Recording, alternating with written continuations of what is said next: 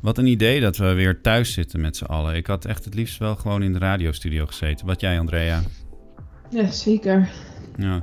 Ehm, we gaan uh, beginnen en uh, we hebben uh, twee mensen aan de telefoon. En dat zijn niet zomaar mensen, dat zijn onze columnisten Julia en Asis. Hoe is het met jullie? Goed. Goed. Mooi. Dan gaan we nu echt beginnen met de laatste podcast van dit jaar. Ha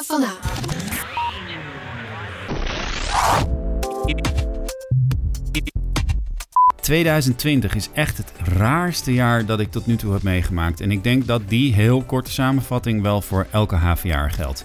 Ik ben Daniel Rommens en deze podcast presenteer ik samen met Andrea Huntjens. Fijn dat je luistert. En wat fijn dat we weer lekker thuis kunnen uh, werken, Andrea, toch? Vind je het ook uh, heerlijk, zo, tussen je eigen vier muren van je slaapkamer? Uh, nee, maar ik was ook net aan het bedenken dat we volgens mij nu iedere vorm van podcast wel gehad hebben. Dus met z'n vier in vest, met z'n vier in de studio. Ja. Uh, twee presentatoren in de studio, twee gasten thuis. Ja. Eén presentator in de studio, één presentator thuis. En nu weer uh, ja. alle vier Klopt. thuis. En er zijn ook weer heel veel ideeën gesneuveld door die uh, nieuwe lockdown. Want we, we natuurlijk, normaal gesproken, zouden we in deze week de HVA van het jaar podcast hebben in Café Fest. Nou, dat ging niet door, want de horeca was dicht en je mocht niet met veel mensen bij elkaar komen. Toen hadden we bedacht dat we in een speciale ruimte in het Benno Premselenhuis een muziekpodcast zouden maken. Maar toen ging de HVA gewoon ook weer helemaal dicht. Dus nu zitten we gewoon thuis en hebben we bedacht, dan gaan we gewoon lekker napraten, nabeschouwen wat er in 2020 allemaal is gebeurd. En ik noemde het al even, we, hadden, uh, we hebben Julia Kronen en Asis Aynan aan de lijn. Welkom beiden. Um, hoe, hoe, vonden jullie het weer om uh, helemaal uh, thuis te moeten gaan werken? Jij eerst, Asis. Ik werk alweer maanden thuis. Ben je helemaal niet op de HVA geweest tussendoor? Eigen, nee, aan het begin van het schooljaar ben ik uh, één dag in de week uh, mocht ik lesgeven op het werk. En uh, ja, periode 2 is bijna afgelopen. En heel periode 2, ik ben nog geen één keer op het werk geweest. Dus voor jou is er eigenlijk bijna niks veranderd, wil je zeggen?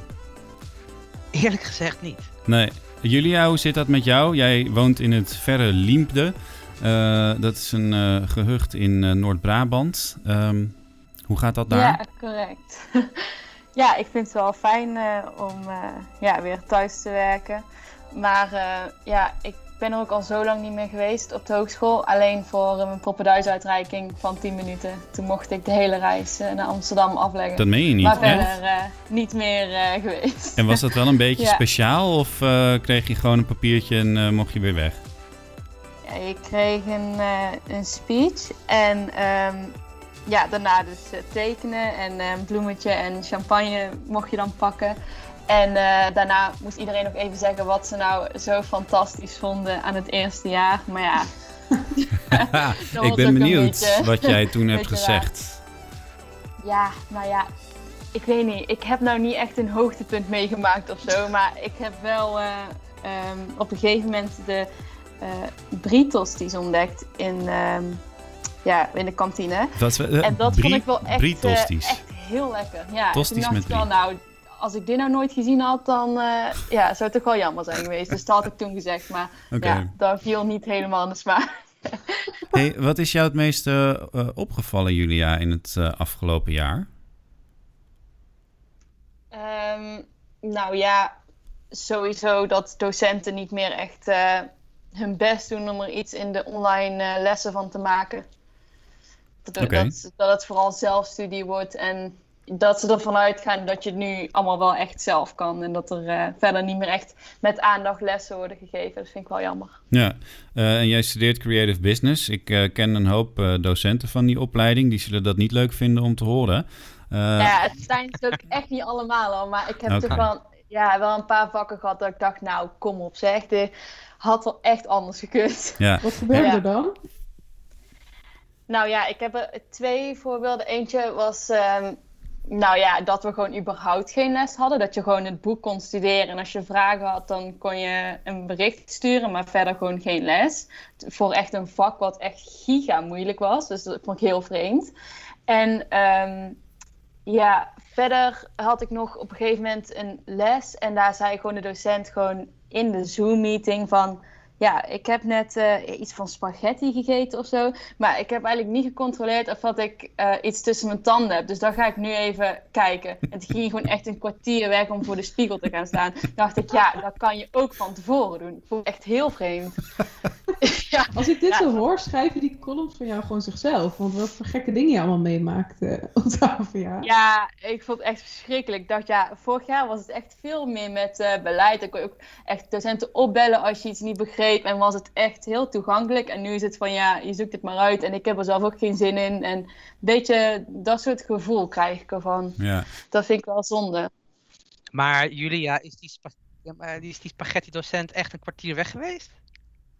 Nou, zo voelde het wel. Ah, kijk, Julia. Met zeker weer... te zeggen, maar hij ging wel echt weg. Dat vond ik toch wel echt heel vreemd. ja. Asis... Eerst ging natuurlijk nog helemaal dicht in de, in de camera zitten om te kijken wat hij daar kon zien. En toen ging hij naar de spiegel. ik kom er gewoon niet meer tussen, jongens. Jullie uh, kletsen die hele podcast zelf vol. Asis, ik wil even naar jou, want uh, jij bent ons andere columnist. Jij bent docent op de HVA. Als jij over 20 jaar aan iemand moet vertellen wat jou het meest is bijgebleven van 2020, wat is dat dan? Um, ik, ik heb de hele dag nagedacht over wat mij nou, als ik nou dus terugkijk op het onderwijs. Mm het afgelopen jaar. Wat mij opviel, en ik heb ook met een aantal collega's erover gehad. En misschien valt wel op. Uh, het meest wat mij opviel is dat de online toetsing, hoe makkelijk wij daar met z'n allen in zijn meegegaan. Als Hogeschool van Amsterdam. En om dat even aan de luisteraar een beetje uit te leggen, de online toetsing dan, dat doe je thuis uh, op, de, op de computer. Mhm. En, um, en er is een soort van, uh, ja, een soort van Stasi-systeem. Dus uh, een soort van spionagesysteem. En dat is geen grap. Want het systeem bespioneert je of controleert je. Laten we het even positief houden. En die kijkt dus in je kamer waar je de toets maakt, maar houdt ook bij waar je het zelf naartoe kijkt als persoon houdt ook in de gaten um, hoe, uh, zeg maar, dus het, het, uh, het, aanslaan van de toetsen. En uh, ja, er is misschien hier en daar openlijk gemoord erover, mm -hmm. maar niet veel. En ja, ik, ik voel me eigenlijk heel erg ongemakkelijk bij die toetsing. En ik weet wel dat er binnenskamers, dat, met dat collega's, ja, heel veel collega's, dat ze het echt gewoon dus docenten heb ik het over, ja, niet vinden kunnen wat, uh, ja, hoe wij op dit moment toetsen. En ik weet wel dat de andere kant van het verhaal, dat uh, je, je, je creëert een gelegenheid om te frauderen als je bepaalde zaken niet organiseert. -huh. Maar ik heb echt een heel ongemakkelijk gevoel bij hoe wij de studenten controleren bij de toetsing nu het is gewoon lastig, vind ik het. Julia, jij was niet blij met proctoring. Uh, jij schreef er zelfs ook een column over. Kun je uitleggen wat er aan de hand was volgens jou? Ja, je wordt er gewoon helemaal zenuwachtig van. Want je zit dus die toets te maken. En het enige waar je tijdens een toets op wil focussen is ja, op het herinneren van alle antwoorden op de vragen. En je bent gewoon constant bezig met oh, kijk ik nu verdacht? Of uh, ja, zit ik wel normaal? Want ja, wat nou als je ineens per ongeluk fraudeert? Dat is gewoon echt super irritant. Maar ja, je kunt niet zeggen van, ik wil dit niet installeren. Want ja, hogeschool heeft gewoon gezegd, dit gaan we doen. En ja, als je het niet installeert, dan doe je niet mee aan de toets. Dus als jij dan van die twijfels hebt over zo'n um, ja, zo'n online programma, Um, heb je dat dan wel eens aangekaart of wat voor reactie krijg je daar dan op? Ja, natuurlijk heb ik dat aangekaart. Maar degene bij wie het aankaart, dus een opleidingsdirecteur, die weet er natuurlijk net zoveel van als ik. Ja. En, uh, ja, en ik denk dat de directeur van de Hogeschool van Amsterdam er ook net zoveel, de nieuwe directeur, hè, de, van af weet als ik. Jij Kijk, wij uh, kennen... hebt het over de baas van de HVA. Uh, dat is een van de grote nieuwsdingen van dit jaar. Dat Huip de Jong, de, de voormalig voorzitter van het college van bestuur wegging. En er is een nieuwe voor in de plaats. Althans, die komt nog. Dat is Jopie Noren. Um, Julia, kende jij Huip de Jong eigenlijk? Nee. Had er ja, wel van gehoord natuurlijk. Ja. Maar uh, ja, nou, ik zou niet weten hoe die eruit ziet. Nee, nee. nou, dat is ook niet meer belangrijk. Maar Asis, uh, jij uh, ja. moet hem wel wat beter kennen. Um, vond jij het, vind jij het jammer dat hij weg is? vond het echt een heel fijn persoon. In het contact was hij heel goed. een hele zachte, zachte vent. Uh herinnerde zich heel goed wat je deed. En ehm, je zag heel erg dat hij Um, ik heb er ook wel een column over geschreven. Hè, van laat alsjeblieft een metselaar de nieuwe directeur van de hogeschool worden. Ja. Um, namelijk uh, echt iemand die goed, was, uh, goed is in contacten. Hè, dat, uh, hij kon heel goed contact leggen. Ja. Veel goed luisteren. Is dat dan een verbinder? Ja, of een verbinder of een uh, goede luisteraar. Hmm. Uh, en volgens mij was hij een hele goede voorzitter van, het, van de Raad van het Bestuur. Ja. Andrea, wij als journalisten die dan zo dicht op de HVA opereren... Um, je, je hebt een heel gekke relatie met dat bestuur... want je spreekt ze dan vaker dan veel andere HVA'ers. Um, ehm, kun jij een beetje uitleggen hoe jij naar zo'n bestuurder als Huip kijkt? Voor ons is, ja, wat je zegt... ik denk dat wij meer dan de studenten en misschien ook al sommige medewerkers weten wie dat zijn. En ehm, wij komen natuurlijk bij Huid, maar ook bij andere bestuursleden aan met al onze prangende vragen over. Uh, nou, bijvoorbeeld toen de eerste lockdown was, wat betekent dat voor de HVA? Uh, dat soort dingen. Dus in dat opzicht, uh, ja, kijk ik niet naar zo iemand als, oh, daar kan ik goed mee praten of goed naar luisteren. Of uh, ik zie zo iemand als uh, de baas. waar ja. ik, uh, en die moet gewoon dingen zeggen. Terechtkom. Precies. Ja. En uh, ik denk ook, als ik bijvoorbeeld naar, voor jullie even spreek, toen ik bijvoorbeeld op de, ik heb zelf op de UvA gestudeerd, toen had ik ook geen idee wie de baas van de UvA was hoor. Echt, nou, nou ook nooit gezien. En ik, ik heb... denk dat dat als student heb je natuurlijk een heel andere ja, kijk op ook. Ik kan me goed herinneren dat ik uh, voor zijn afscheid uh, een, een, podcast heb gemaakt. Toen zijn we samen op de pont gegaan, want hij woonde in Noord. En op dat pontje had ik het met hem over trots.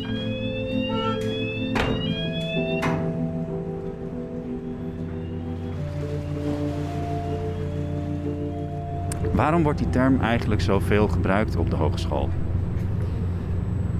Ja, voor mij is het uh, een, een, authentiek gevoel dat we met hele mooie dingen bezig zijn als hogeschool. En een van de eerste kennismakingsgesprekken van mij, dat was bij Boot. Uh, ons instituutje in de stad, in de verschillende wijken waar ook uh, onderwijs en onderzoek plaatsvindt. En ik werd er rondgereden en kon ook zien zowel in de kantoren als in uh, wat er in die wijken gebeurde, hoe zichtbaar de HVA was en hoe de bijdrage werd geleverd aan de ontwikkeling van die stad. En dat heeft mij van begin af aan verrast, maar ook wel echt met trots vervuld. En ik, daar kwam nog bij dat ik zelf vond dat de mensen van de HVA, zeker op dat moment, uh, te weinig die trots voelden. En misschien ook te weinig zagen hoe belangrijk ze waren voor die stad. Julia, is er veel om uh, trots op te zijn op de hogeschool dit jaar?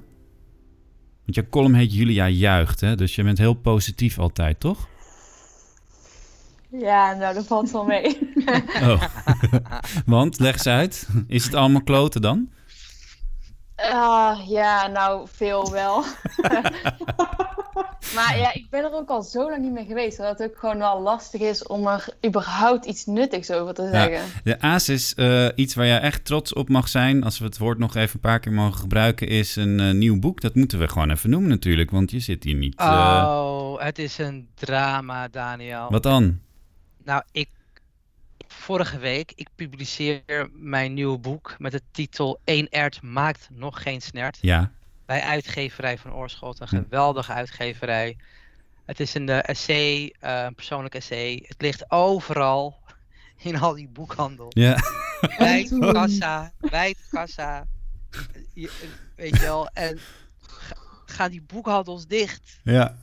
Het is verschrikkelijk. Dus Als je nou echt de snert erbij verkoopt, wordt het essentieel. Dan, dan kunnen die winkels weer open. Oh, ik vind het echt erg. Dus ik, ik roep alle luisteraars op.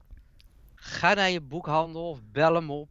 En vraag naar één ert maakt nog geen snert. Het persoonlijke ASC van Asus Einan. Oh, maar het is Elf echt... Asus de winter door. Ja, inderdaad. Jongen. Het, is, het is echt erg, want in België is de boekhandel een essentiële winkel. Oh.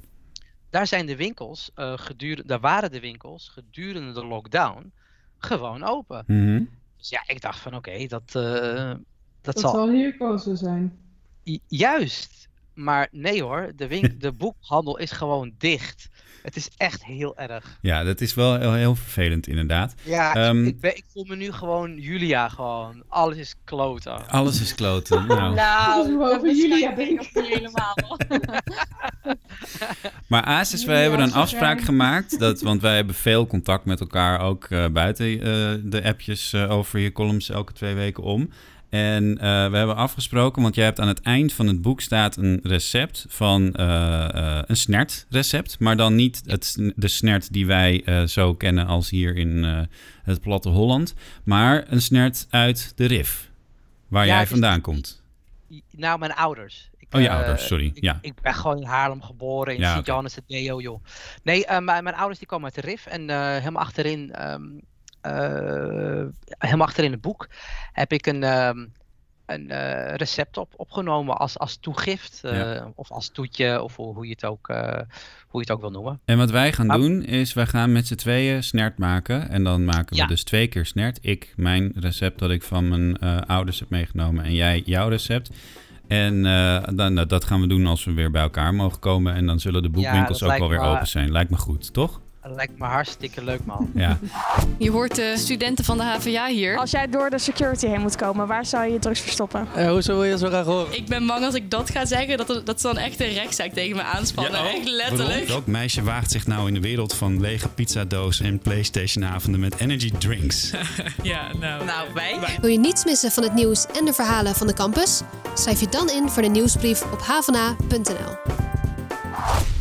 Hey, ik wil even van jij weten, Azes, toen die eh, eerste lockdown eh, er, er was, toen moest jij ook al je onderwijs ineens online gaan geven. Hoe heb je dat Ja. gedaan? Hoe ging je daar eh, mee om? Nou, waar ik dus achter ben gekomen is dat ik mij niet goed kan. Want ik, ik bereid mijn groot deel van mijn lessen. Bereid ik op de laptop voor. Mijn columns schrijf ik op de, op de laptop. Mijn boeken schrijf ik op de laptop. Dus ik ben dat ding best wel gewend eigenlijk.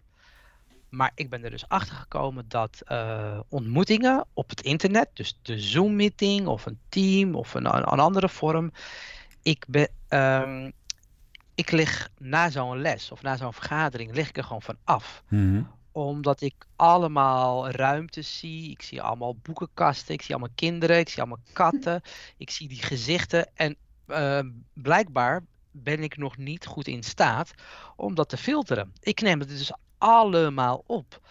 Eh, dus ik ben ook een van die weinige docenten. Dat ik, bij mij hoef je ook je camera niet aan te doen, omdat ik namelijk helemaal gek word.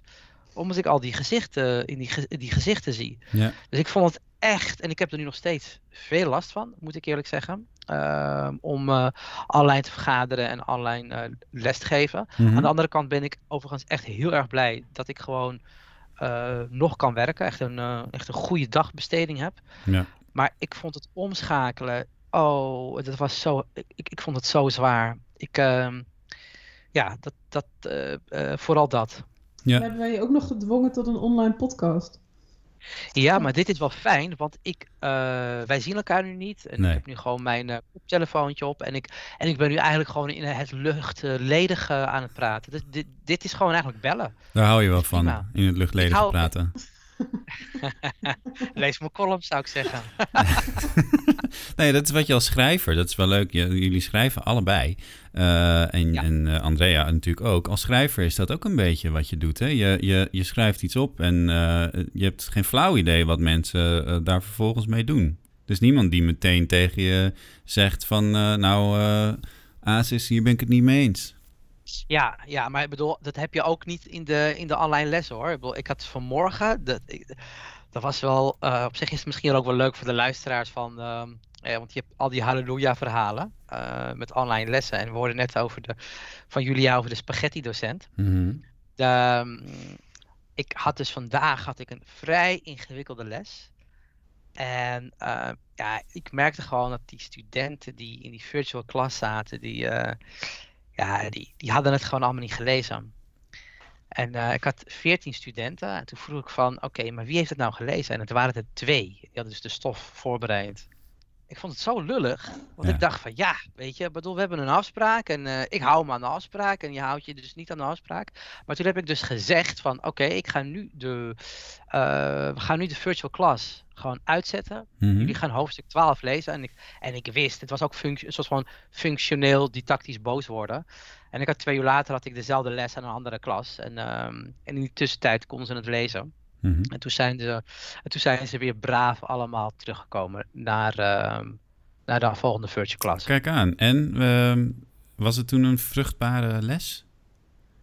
Ja, maar ik, ik, ik denk dat ze het zelfs wel fijn vonden. Dat ik ze echt aansprak van... Uh, dat ik echt een soort van, uh, ja, dat kan, je, dat kan je gewoon niet maken. En ook als je stage gaat lopen, dan kun je ook niet aankomen dat je het niet hebt voorbereid. Dus ze werden allemaal persoonlijk, want ik, ik, ik noemde ze ook allemaal, ik ging ook steeds al die namen af in, in het lijstje van die virtual class. Alle veertien namen. Ik dacht, ja, ik moet, het, ik moet ze allemaal gewoon persoonlijk Maar jij zegt eigenlijk, als jij uh, dan uh, zo je, je stinkende best doet om er wat meer dan dat van te maken, dan verwacht je ook wel dat mensen gewoon hebben gelezen wat jij vraagt wat ze lezen.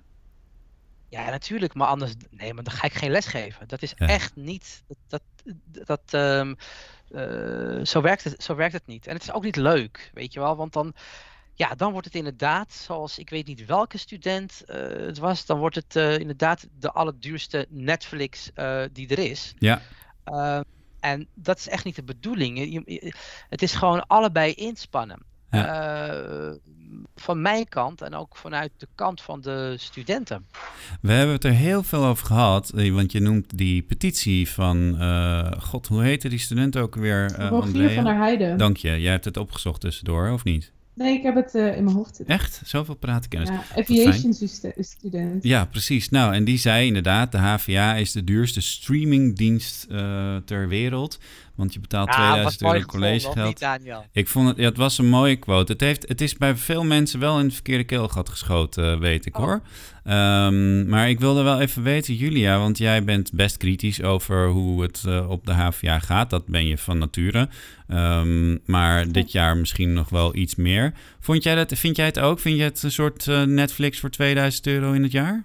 Uh, ja, dat ligt er dus aan. Als um, colleges zijn opgenomen, en je hebt verder geen mogelijkheid tot interactie met uh, je docent, dan vind ik dat wel. Maar als je echt in een Zoom-meeting gaat, dan uh, nee, dan niet. Dan is het juist wel heel fijn. Maar ja, als je er dus zo makkelijk vanaf komt door ja, gewoon die colleges online te zetten en zeggen succes, dan heb ik wel zoiets van nou, nee. Heb jij een voorbeeld van iemand die het heel goed heeft gedaan, een docent? Ja, ik uh, vind Nathan Vos, volgens mij spreek je zijn naam zo uit. Um, die gaf mij mediapsychologie. Vond ik uh, heel, het heel goed doen. En wat deed hij dan? Uh, nou ja, hij nam gewoon echt alles met je door. En we hadden ook dan um, wel opgenomen webcolleges, maar die um, uh, waren door iemand anders al verzorgd. Maar hij, ook al had je het niet voorbereid, dan kon je het alsnog al volgen. Mm -hmm. Het was gewoon goede opgebouwde les. Dus waardoor je het, ja, het gaf precies de verdieping die je nodig had als je het wel had voorbereid. Maar ook wel een beetje basis voor als je het niet kon voorbereiden, zeg maar. En die frustratie die uh, Asis net deelde van uh, studenten die, hun, ja, die het college dan niet voorbereiden. Herken je dat of hoe kijk je daar uh, vanuit studentenperspectief naar? Ja, nou ja, ik vind, ik vind wel dat je je inderdaad wel moet voorbereiden. Maar ja, ik, ik kan ook niet echt zien of dat anderen dat doen. We doen soms wel zo'n poll van wie heeft dit wel of niet gedaan. En uh, er zijn wel heel veel dingen die je soms moet doen qua quizzen en zo via Brightspace die echt gewoon totaal geen nut hebben. Hm. Dan denk ik wel van ja, nou, dat maakt dan echt geen bal uit als je dat niet doet. Maar uh, ja, echt zo'n zo'n hoofdstuk voorbereiden of zo, waardoor je de les beter begrijpt. Ja, dat vind ik wel raar als je dat niet doet. Want dan, ja, dan dus snap je er ook gewoon echt niks van. dat, uh, dat het dus een beetje op Netflix leek, dat uh, vonden sommige mensen bij ASFA Studentenunie ook. En ook bij de Landelijke Studentenvakbond. Dus die stonden op een gegeven moment te demonstreren voor meer fysiek onderwijs. En wij waren op een gegeven moment wel benieuwd van hoeveel kan er nou eigenlijk in die gebouwen. Ehm, en toen hebben we gesproken met Jeroen Vrieser, dat is uh, hoofd uh, beveiliging bij Facility Services. Die mensen die hebben dus echt allemaal looproutes door HVA-panden bedacht en hebben uitgerekend per stoeltje bijna uh, hoeveel mensen er in de HVA-gebouwen konden. Je loopt dus letterlijk door zo'n pand heen en dan ga je gewoon, ga je, je gaat gewoon stoeltjes stellen of wat doe je? Voor sommige zalen gaan we stoeltjes stellen voor praktijkruimtes. Maar voor uh, theoriezalen, daar zullen we een algemene formule voor neerzetten en die gaan we overal plotten. We gaan nu naar een uh, zaal met een vaste opstelling.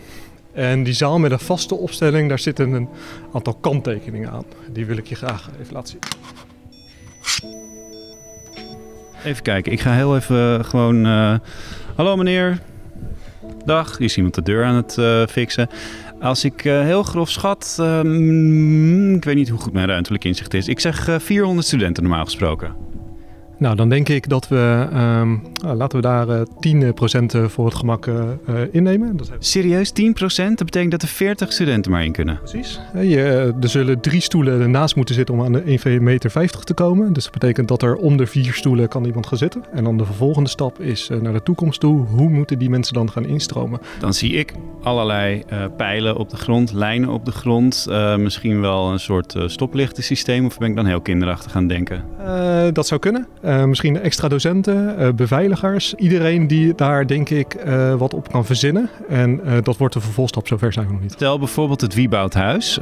hoeveel mensen verwacht jij dat daar straks weer rond kunnen lopen? Voor de zomer verwacht ik dat het zeer minimaal is. Uiteindelijk zijn we daar ook afhankelijk van overheidsregels. Wat zo ver gaat tot en met de uitspraken en de stellingen die worden genomen omtrent het openbaar vervoer, de tijdslots die zijn bijvoorbeeld zijn opgesteld. Dus dat zijn allemaal beperkingen voor uh, de hogeschool, uh, wat uiteindelijk op het Wiebadhuis kan plaatsvinden. Vind je het uh, allemaal heel vreselijk of vind je het eigenlijk heel erg leuk? Laat ik bedoel, het werk hè? Oh, het werk, zoals we dat nu doen? Uh, ja, beveiligingstechnisch is dit natuurlijk uh, ja, is dit een van de, de, van de taartpunten denk ik, van de, van de cake. Andrea, we zouden eigenlijk een muziekpodcast maken deze week, maar omdat sinds vandaag ook de HVA weer helemaal de deuren moest sluiten, kon dat niet doorgaan. In plaats daarvan zetten wij op donderdag een artikel online met allemaal muziek van HVA-studenten en medewerkers. Verheug je er al op? Ik ben heel benieuwd. Ik heb, dat, ik heb er nog niks van gezien of gehoord. Het is dus echt leuk. Uh, ben heel benieuwd. Ja, het is, het is en of ze een eh, beetje iets kunnen. Nou, dat kunnen echt. Heel veel mensen kunnen best goed muziek maken, kan ik je vertellen. En een van die mensen is Ashraf Hanouti. Hij studeert bestuurskunde en in zijn vrije tijd bespeelt hij de oud. En dat is een traditioneel uh, snaarinstrument dat vooral in het Midden-Oosten veel wordt gebruikt. Onze collega Marloes van der Wakker ging bij hem op bezoek.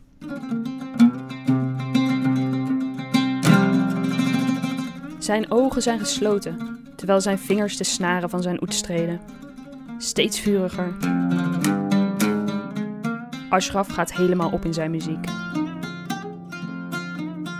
Ik voel gewoon dat ik uh, moet spelen omdat. Uh, het, vooral het gevoel. Want soms uh, kan je je gevoelens uiten door, door middel van woorden. Of, de, ja, dat kan ik ook, maar via muziek kan ik dat ook nog beter. En ineens eh, ben ik, uh, nou ja, ik denk aan verdrietig of boos. Ja, dan, dan merk je het meteen hoe ik eigenlijk speel. En dat kan ik meteen uiten als ik goed speel.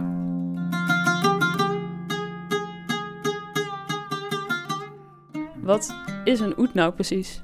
Ja, in, in, in de oud, of in het Arabisch al-oud. En, en dat is een Arabisch instrument. En waar ik vandaan kom, ik ben Palestijns-Syrisch. En dat is, uh, ja, oud is gewoon daar dagelijks gebruikelijk, zeg maar. Die wordt en, en alle Arabische uh, nummers uh, gespeeld. Ashraf legt zijn oet op schoot. Het truppelvormige instrument heeft wel wat weg van een gitaar. Wat opvalt is de bolle achterkant. De oet is gemaakt van een droog stuk hout met zwaalf snaren. De snaren zijn opgedeeld in paren met dezelfde toon, wat zorgt voor een bijzondere klank. En vanwege de klank, we, we hebben ook in de, in de Arabische muziek uh, ook verschillende tonen. Je hebt de, de, westerse tonen, maar je hebt ook in de Arabische muziek sommige tonen die, die kwart zijn. Of vooral wordt het ook zo gezien in de Europese of westerse muziek vals. Maar het is eigenlijk niet vals. Voor de muziek is het juist gebruikelijk. De Arabische klank laat Ashraf graag terug horen in westerse popliedjes die hij speelt. Eh, zouden we daar ook een, een stukje van kunnen horen van uh, Despacito of uh, wat zei je, de Pink Panther?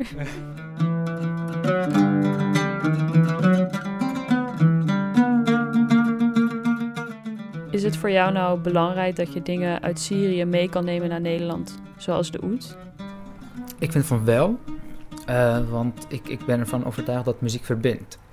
En en er zijn heel veel verschillen in Nederland. En uh, we denken aan uh, ja, verschillende routes, zeg maar. En, en vooral voor mijzelf, als het gaat om integratie, denk ik. ja, wat is integratie uiteindelijk? Dat is altijd de vraag. Of je nou de taal leert, of je moet werken of studeert. Maar ik vind ook dat via muziek, eigenlijk via muziek kan integreren. Als je je muziek meeneemt en dat je met andere muzikanten uit het Westen of uit Nederland maakt, vind ik dat, dat dat het ook nog je kant op gaat.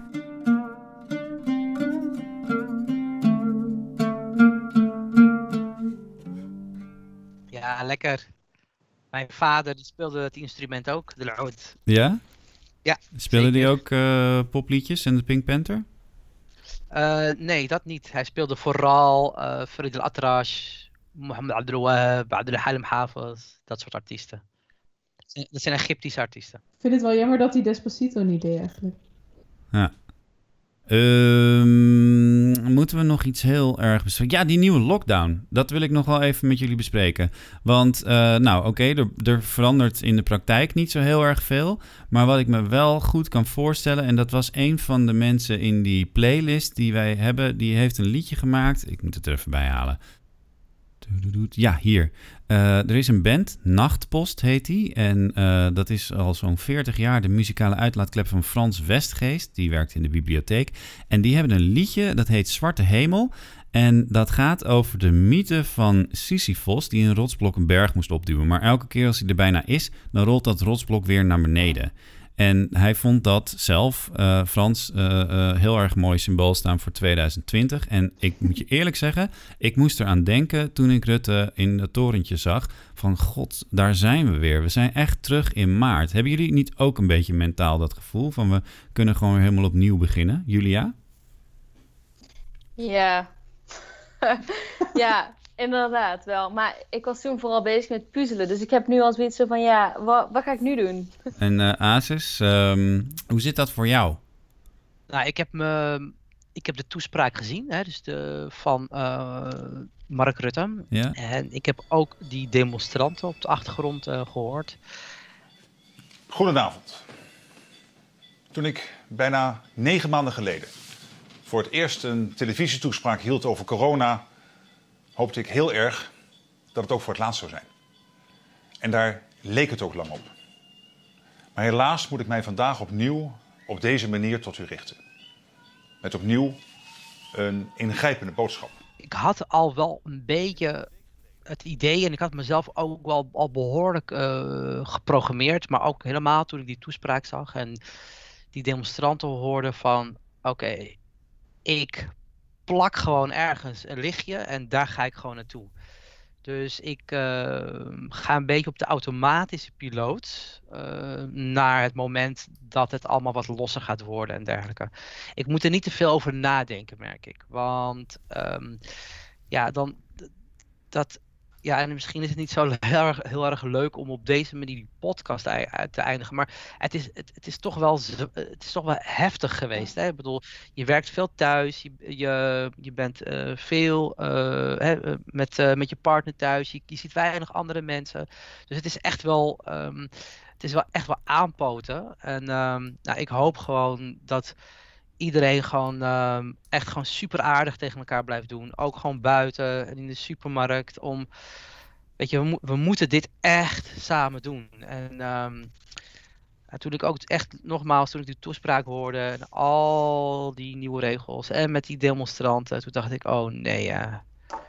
Weet je al, van, ik, ik, ik hoop gewoon dat het snel voorbij is. Ja. Uh, we gaan de podcast gelukkig niet hiermee eindigen, want uh, yes. uh, ja, fijn hè? Want die HVA van het jaar, waar we nu niks mee kunnen doen, althans niet op de normale manier, Andrea, we hebben besloten om toch vijf verhalen te maken onder de titel HVA van het jaar. Kun jij vertellen wat we nu hebben, alsnog hebben gedaan? Ja, normaal kiezen we natuurlijk altijd nou, de vijf genomineerden. Daar maken we een mooi verhaal over. En dan, uh, dat zijn allemaal mensen die iets hebben gedaan. Of voor de HVA of iets maatschappelijks. Of nou, in ieder geval iets uh, belangrijks hebben gedaan. Ja. En dan kiezen we eigenlijk altijd één iemand die de HVA van het jaar is. Ja. En omdat dit jaar gewoon, ja, kort gezegd, kut was voor iedereen. En iedereen ook maar zijn best deed. Uh, dachten we, nou, het is een beetje lullig om nu te zeggen... één iemand is echt de HVA van het jaar. Ja. Dus we hebben vijf verschillende verhalen gemaakt over. Um, die, die eigenlijk ieder persoon die we hebben, waar we verhaal over hebben gemaakt, staat voor een groep uh, mensen. Dus bijvoorbeeld de docenten die zich opeens uh, moesten aanpassen aan online onderwijs. Of ja.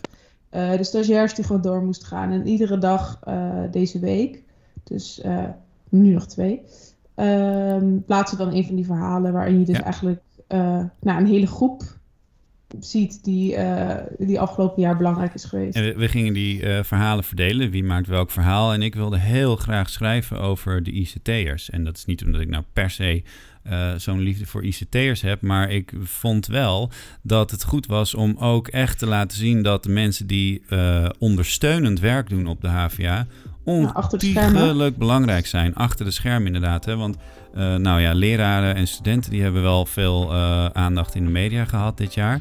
Maar die mensen dus die uh, bij de helpdesk van de ICT zitten, die echt duizenden telefoontjes hebben gekregen van mensen met soms de kleinste vragen, maar ook echt problemen van netwerken die niet deden wat ze moesten doen.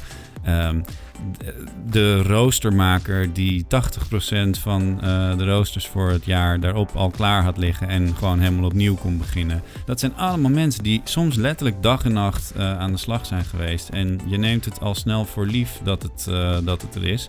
Maar nou, daar wil ik wel echt nog even een lans voor breken voor die, voor die groep medewerkers hier op de hogeschool. Um, Helemaal mee eens. Dank je. Julia, jij ook? Ja. Goed zo. Ja, helemaal mee eens. Goed, Goed. zo. Dat is, uh, dat is fijn. Want uh, stel je voor dat je nou nog een kritische noot had laten horen, dan uh, was je ja, echt... dat ja, kan toch? echt niet. Nee, dat kan echt niet, nee. we gaan inderdaad wel afsluiten nu, want we kletsen al veel te lang. Ik vind het heel erg gezellig, maar we moeten er een eind aan breien. Ik wil jullie allebei heel erg bedanken dat jullie erbij waren, virtueel. Um, ik wens jullie heel fijne feestdagen, ondanks alle beperkingen. En jij ook, Andrea. Dankjewel. En alle HVA'ers die. Dank je. En alle HVA'ers die luisteren, die wens ik een heel rustige kerstvakantie toe. Hopelijk mogen we heel snel weer terug naar de campus, eh, terug de klas in en terug naar het normale fysieke onderwijs op locatie. En uh, natuurlijk gaan we over naar blended learning en wordt het allemaal een mix van online. Maar daar gaan we nog even niet over nadenken. Vind je dit een leuke podcast? Geef ons dan een beoordeling op iTunes of Spotify. En heb je een opmerking of tip? Mail ons dan op havana.hva.nl of stuur ons een berichtje op sociale media. Um, wij gaan er een paar weken tussenuit met de podcast. In januari zijn we terug met een heel nieuw seizoen van deze podcast Even Doorpraten. Waar dat vandaan is en op welke manier precies, dat weten we nog niet. Maar dat we terugkomen, dat staat vast. En uh, tijdens de kerstvakantie maken we ook even geen nieuwe verhalen op onze website. Wij gaan ook van onze rust genieten. Maar vanaf 4 januari houden we je dagelijks op de hoogte van al het nieuws en verhalen van de campus. Bedankt voor het luisteren en tot volgend jaar. Doei! Geen enkele podcast meer missen? Check dan Havana in je favoriete podcast-app.